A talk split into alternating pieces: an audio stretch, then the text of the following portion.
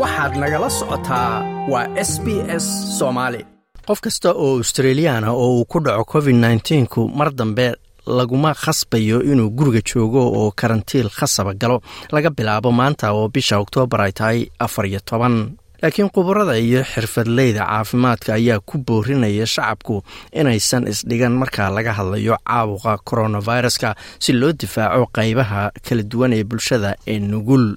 waa dhammaadkii waqti taariikhda galay marka laga hadlayo covid nneteen-ka laakiin weli ma aha dhammaadkii covid nneteen-ka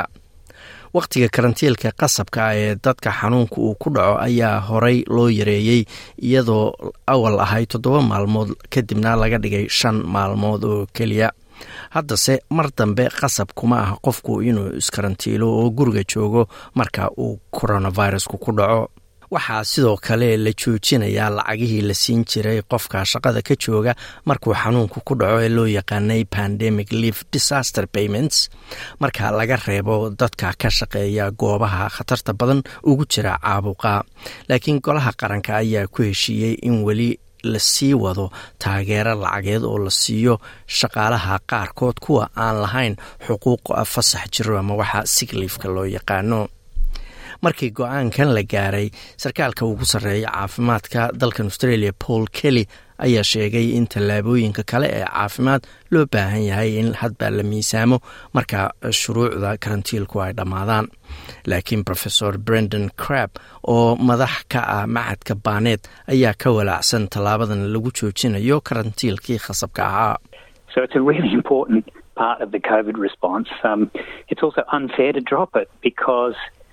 runtii qayb muhiim ah ayay ka ahayd ka hortaga ama la dagaalanka covid nneteen-ka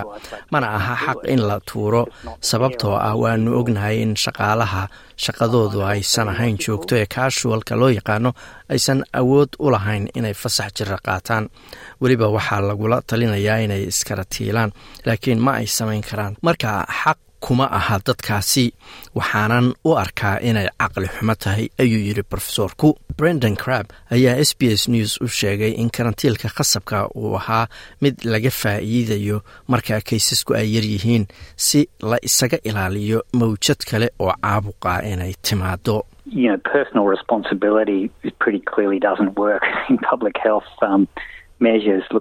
waad ogtihiin in qofku inuu isagu mas'uuliyaddiisa qofeed qaato aysan shaqaynayn.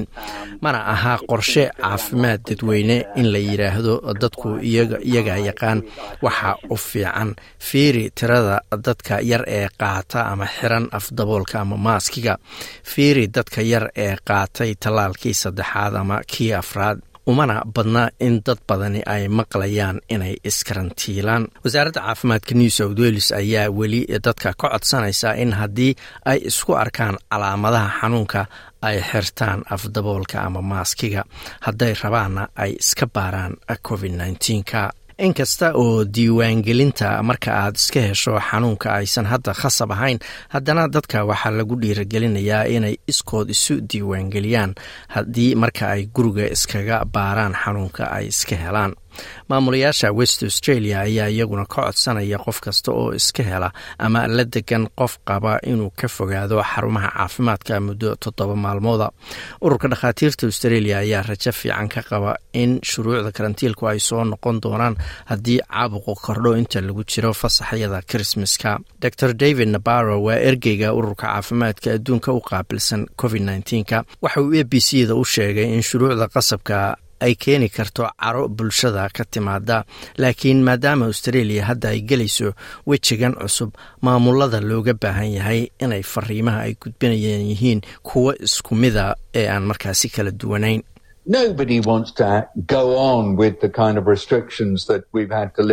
cidna ma doonayso inay sii socdaan xanibaadihii aanu ku soo jirnay labadii sano iyo barkii u dambeeyey haa waa run in khatari weli ay jiraan. Laakiin waxay ila tahay inay lagama maarmaan tahay in dadkeenna caafimaadka dadweynaha ka shaqeeya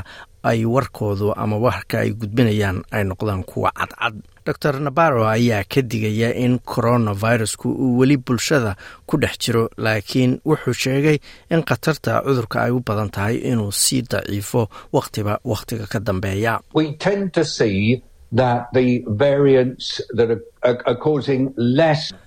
waxay u badan tahay inaan aragno noocyo aan xanuun badan keenayn. Waxaana rajaynayo waa in xanuunku sanadba sanadka ka dambeeya uu sii daciifo uu sii tabar yaraado macnaheeduna yahay inuusan dadka dhib badan u geysan. Haddana xanuunku aad ayuu u yaryahay buu yidhi haddii qofku uu tallaalan yahay. Laga soo bilaabo markii xanuunka ama faafka covid nneteen-ku uu ka dilaacay dalkan australia shan iyo toban kun oo qof australiyaana ayaa u geeriyooday xanuunka. Ma doonaysaa sheekooyinkan oo kale? Ka dhegayso apple podcast google podcast spotify ama meel kasta oo aad bodkastigaaga ka hesho